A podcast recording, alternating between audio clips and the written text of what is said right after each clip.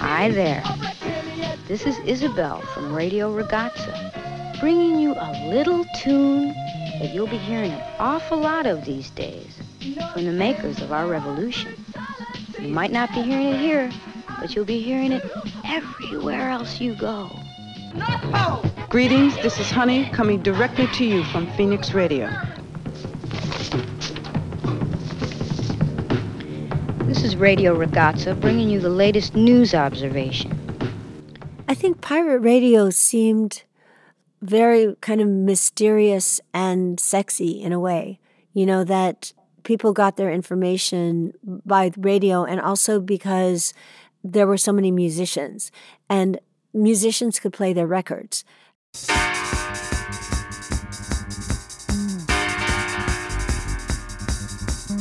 And secondarily, that could be a way to have music all through the film because uh, the DJs who were running the pirate radio uh, stations could be playing their favorite music, and I could then have tracks playing through the music, and that would be source music as opposed to me, the filmmaker, playing music.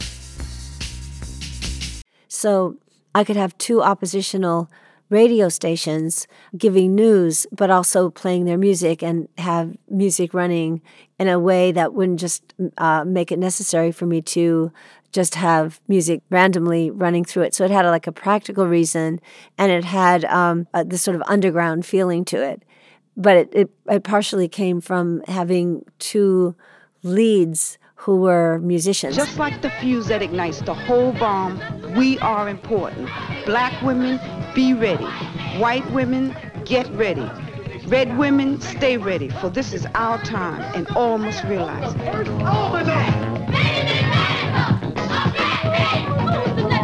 Honey, who was not an actor, always saw herself as a singing evangelist, even though she came from Brownsville and had never been in a movie before, but she sang in church.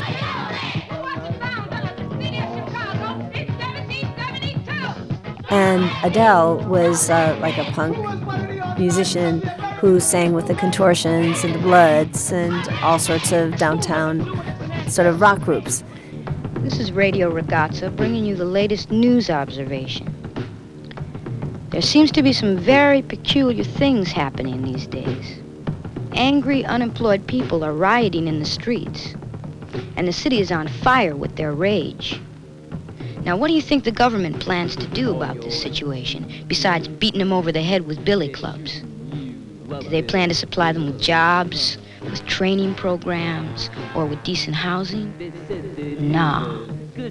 Uh-uh. So for both of them, it seemed kind of rational that they would have like underground radio stations. And then it seemed to lead to the narrative that if they were destroyed, they could band together and really go underground.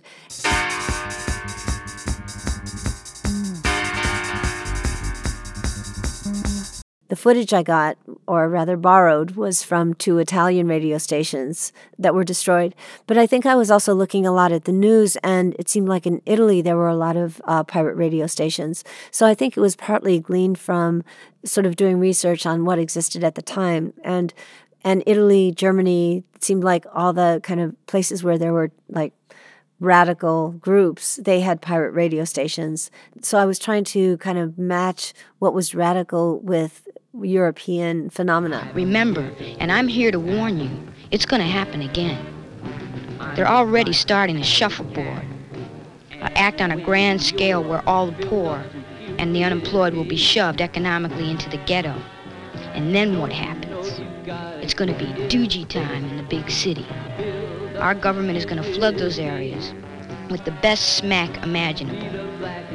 And it's going to send everybody into a deep narcotic sleep where they will not weep or cry out anymore.